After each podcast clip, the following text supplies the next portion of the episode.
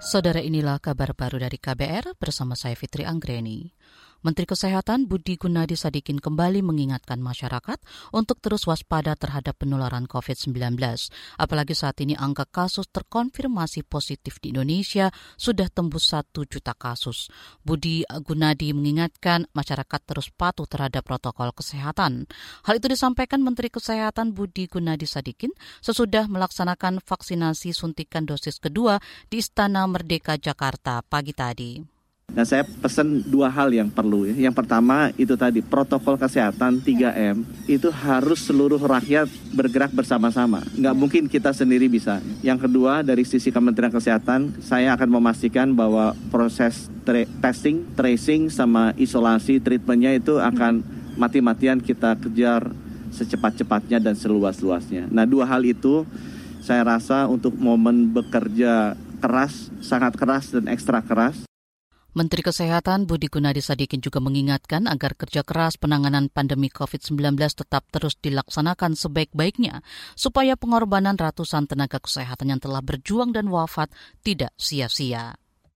Orang yang divaksin COVID-19 kemungkinan masih bisa terinfeksi virus corona apabila sebelumnya sudah tertular virus tersebut. Ketua Komnas Kejadian Ikutan Pasca Imunisasi Hindra Irawan Satari mengatakan sejumlah orang yang sudah disuntik vaksin tapi kemudian positif COVID-19 ada kemungkinan sudah tertular virus corona sejak beberapa hari sebelum divaksin. Irawan Satari mengingatkan virus yang masuk ke tubuh maupun vaksin COVID-19 yang disuntikkan sama-sama perlu waktu untuk menimbulkan reaksi kepada seseorang.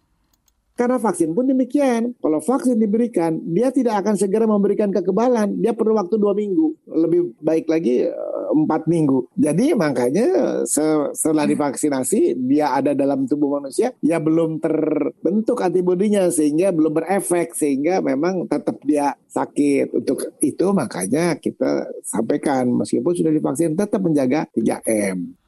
Ketua Komnas Kejadian Ikutan Pasca Imunisasi Hindra Irawan Satari mengingatkan vaksinasi COVID-19 merupakan tindakan pencegahan.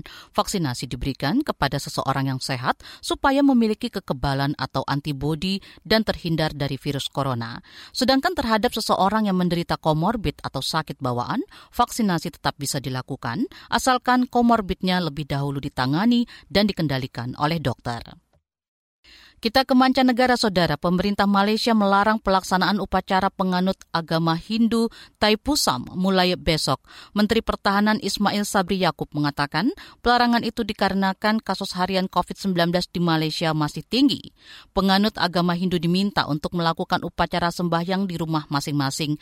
Meski begitu, otoritas Malaysia tetap memberi kelonggaran kepada lima anggota panitia dan petugas kuil untuk datang ke kuil-kuil dan melaksanakan upacara keagamaan keagamaan Taipusam. Demikian saudara kabar baru dari KBR, saya Fitri Anggreni, salam.